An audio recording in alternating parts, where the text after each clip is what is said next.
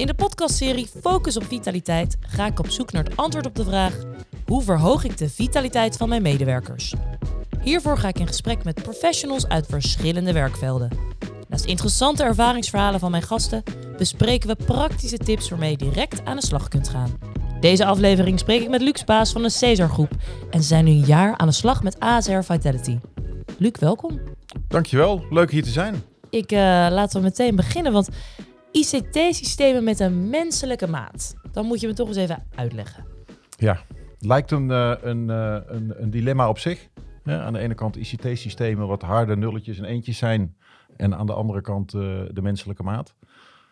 Er zijn veel mensen in de wereld die denken dat ICT-systemen uiteindelijk de mensen overnemen. Ja. Wij zijn ervan overtuigd dat ICT-systemen de mensen beter maken. En als je met dat, uh, uh, vanuit dat oogpunt naar ICT kijkt, wordt het veel leuker. En hebben we er wat aan als mens. Maar dan kan ik me ook voorstellen dat vitaliteit inderdaad een belangrijk deel is van uh, wat jullie allemaal doen. Ja, niet alleen in de systemen die we leveren, maar je hebt als organisatie wat je doet, maar je hebt ook nog wie je bent. Ja. En met name aan de kant van wie je bent, is vitaliteit een basis. En dat komt mooi terug in datgene wat we doen. Ja, en um, hoe gaan jullie daar dan bijvoorbeeld mee aan de slag binnen jullie eigen bedrijf?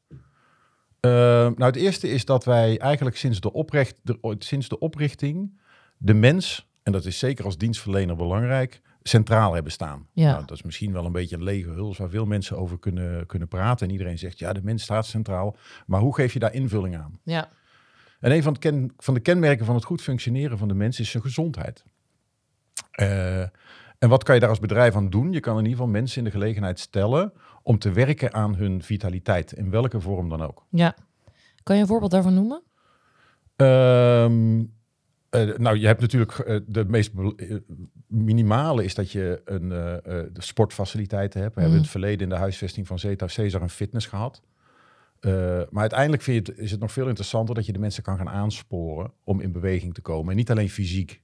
Ja, want jij zegt gehad. Dus ja, we hebben hem niet meer. Ja. En waarom zijn jullie geswitcht dan bijvoorbeeld? Uh, er zijn een aantal dingen. We hebben als bedrijf zitten heel veel mensen zijn actief bij onze klanten. Ja, dan moeten ze eerst terug naar het hoofdkantoor rijden om daar uh, fitness te hebben. Uh, tweede is dat de hele maatschappij is veranderd. Dat mensen veel meer van huis werken of op andere plekken. Dus dat er ook andere mogelijkheden ontstaan om die faciliteit te gaan bieden. En dat is niet alleen op kantoor. Ja, want uh, je spreekt ook wel van een Caesariaanse werkwijze. Ja. Is dat iets wat hierin past? Of hoe moet ik dat voor me zien? Wat die werkwijze is? Nou, de werkwijze is met name uh, aan de ene kant geregeerd, uh, gerelateerd aan de manier waarop wij onze dienstverlening doen. Ja. En aan de andere kant is het gerelateerd aan de manier waarop we met mensen omgaan. En met name die laatste is hier aan, aan gerelateerd. Wij vinden het belangrijk dat mensen na, naast dat ze goede vakmensen zijn, ja. hè, dus goed in datgene wat ze moeten doen, uh, ook werken aan hun persoonlijke ontwikkeling. En daar zitten heel andere factoren in als alleen maar het zijn van een vakman of vakvrouw. Je zegt ook van uh, nou ja, veel op weg, uh, thuis, thuiswerken. Um, is bij jullie een belangrijk onderdeel van die vitaliteit ook het continu opnieuw bekijken wat dat begrip is en hoe je dat kan toepassen binnen het bedrijf? Ja, ja wat je net zei, we zijn er een jaar mee bezig. Dus ja. we hebben altijd wel gezondheid centraal gezet. Uh, en uh, we hebben ook Vitality dus omarmd. Dat is denk ik een van ja. de redenen dat we hier uh, vandaag zijn. en dan ben je aan het ontdekken hoe je eigenlijk je successen kan hebben. Dus hoe krijg je in beweging, hoe krijg je mensen in voeding, hoe krijg je ze mentaal, hoe krijg je ze op persoonlijke ontwikkeling in beweging. En dat doe je stap voor stap en daar leer je van. Ja, ja. We hebben binnen CESAR de afgelopen jaren een aantal experimenten gedaan in allerlei vormen. Hè, dat kan van yoga zijn tot mm. uh, uh, trainingen op persoonlijke ontwikkeling. En dan kijken we samen wat slaat er aan, wat omarmen de mensen. Wat zag je gebeuren? Uh, dat er een grote diversiteit is. Ja. je ziet gebeuren dat er niet iedereen meedoet. dan ga je je focussen op degene die niet meedoen. Dat is het eerste wat je doet, want je wil zoveel mogelijk mensen in beweging krijgen. Mm -hmm. En uiteindelijk omarm je datgene wat wel lukt. Ja. En laat je dat, probeer je dat via coaches of andere mensen steeds verder te laten groeien. Is dat denk je een belangrijk onderdeel? Of als je dan start met een uh, programma als ASR Vitality om te kijken naar niet alleen wat niet lukt, maar juist ook naar wat wel lukt? Absoluut. Hoe, want hoe hebben jullie dat gedaan? Als ik echt even helemaal stapsgewijs teruggaan. De start van het uh, programma.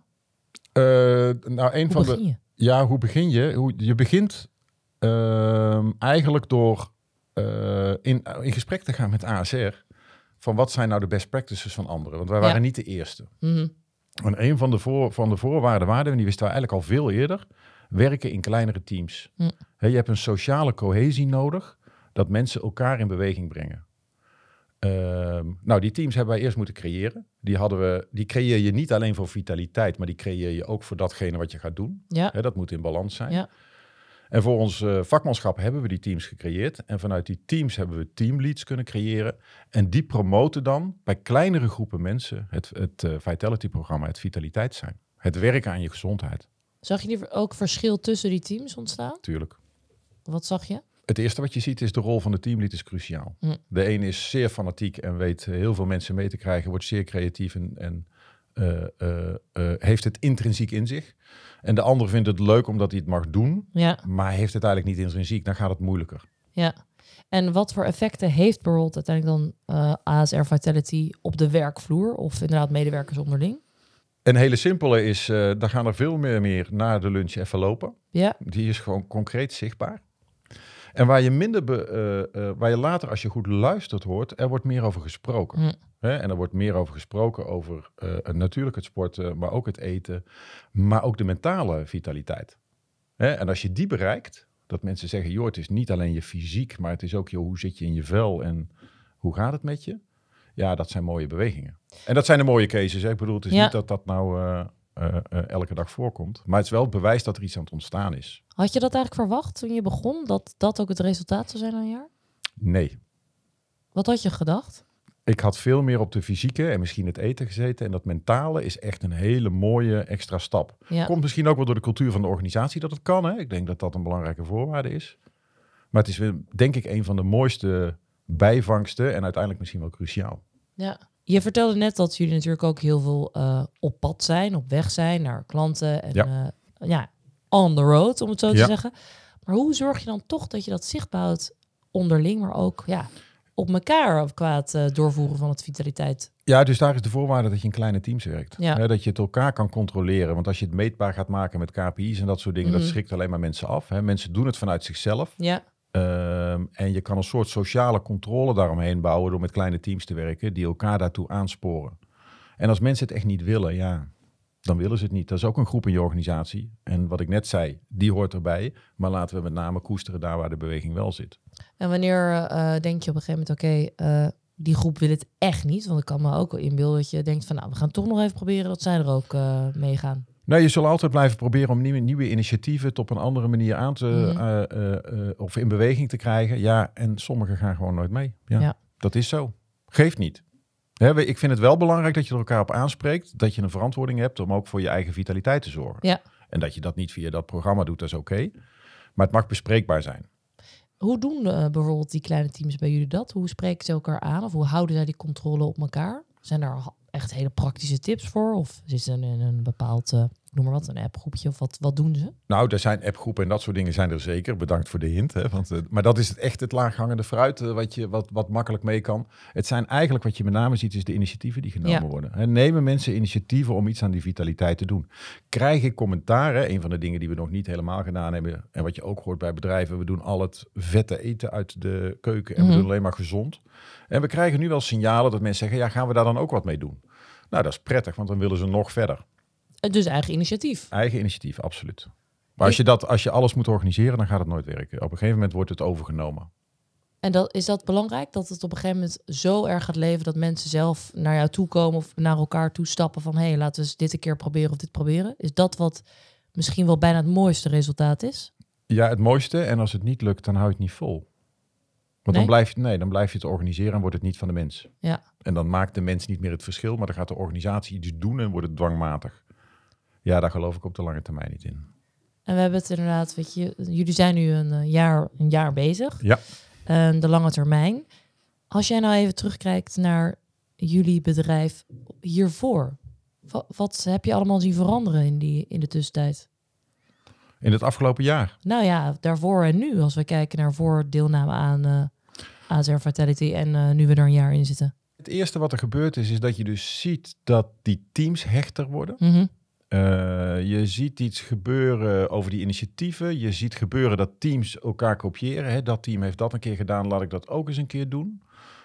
Dus uh, misschien is het wel, als je het zo zegt, dat er een sterkere cohesie komt tussen mensen. Hè? Dat ze uh, toch iets gemeenschappelijks hebben, ook in die, in, die, in die vitaliteit.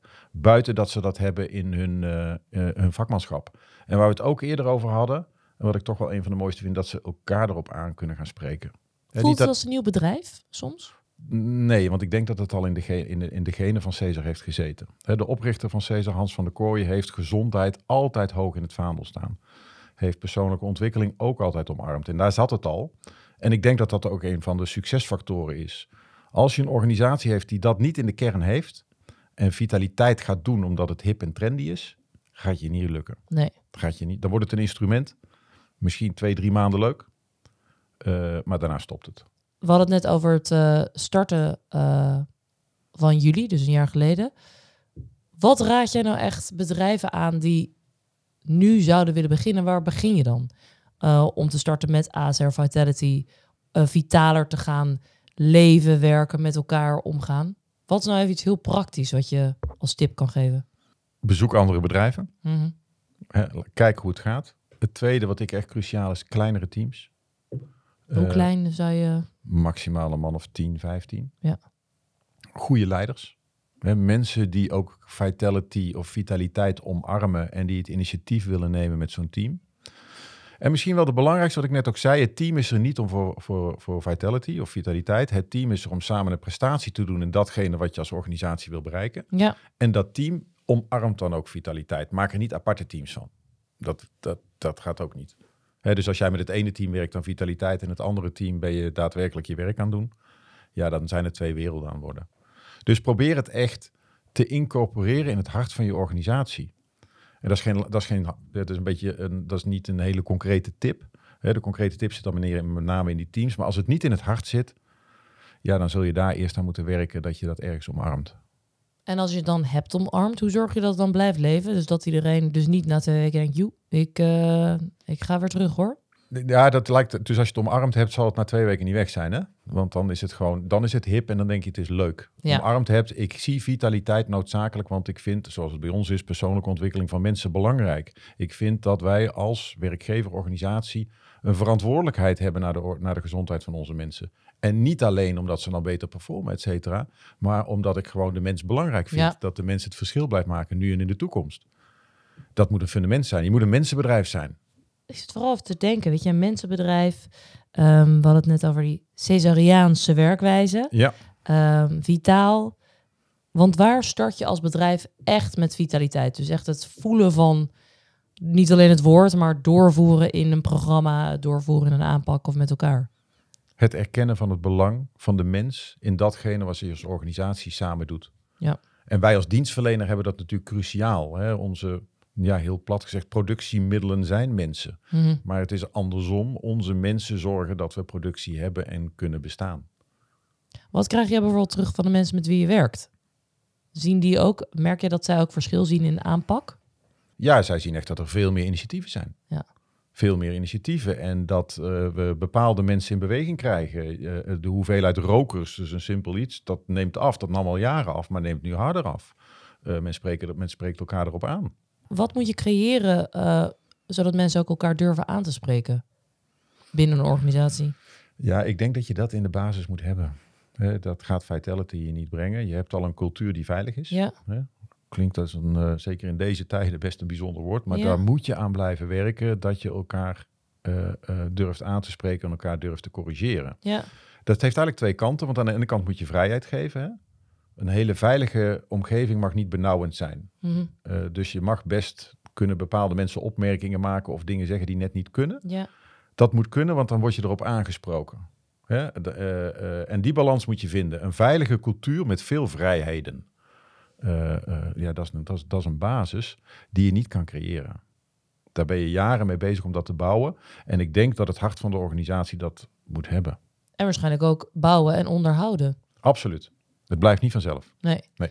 Wat is nou iets wat jij niet een organisatie, maar ook mensen zelf, dus eigenlijk iemand die zit te luisteren, zou willen meegeven als tip of als advies?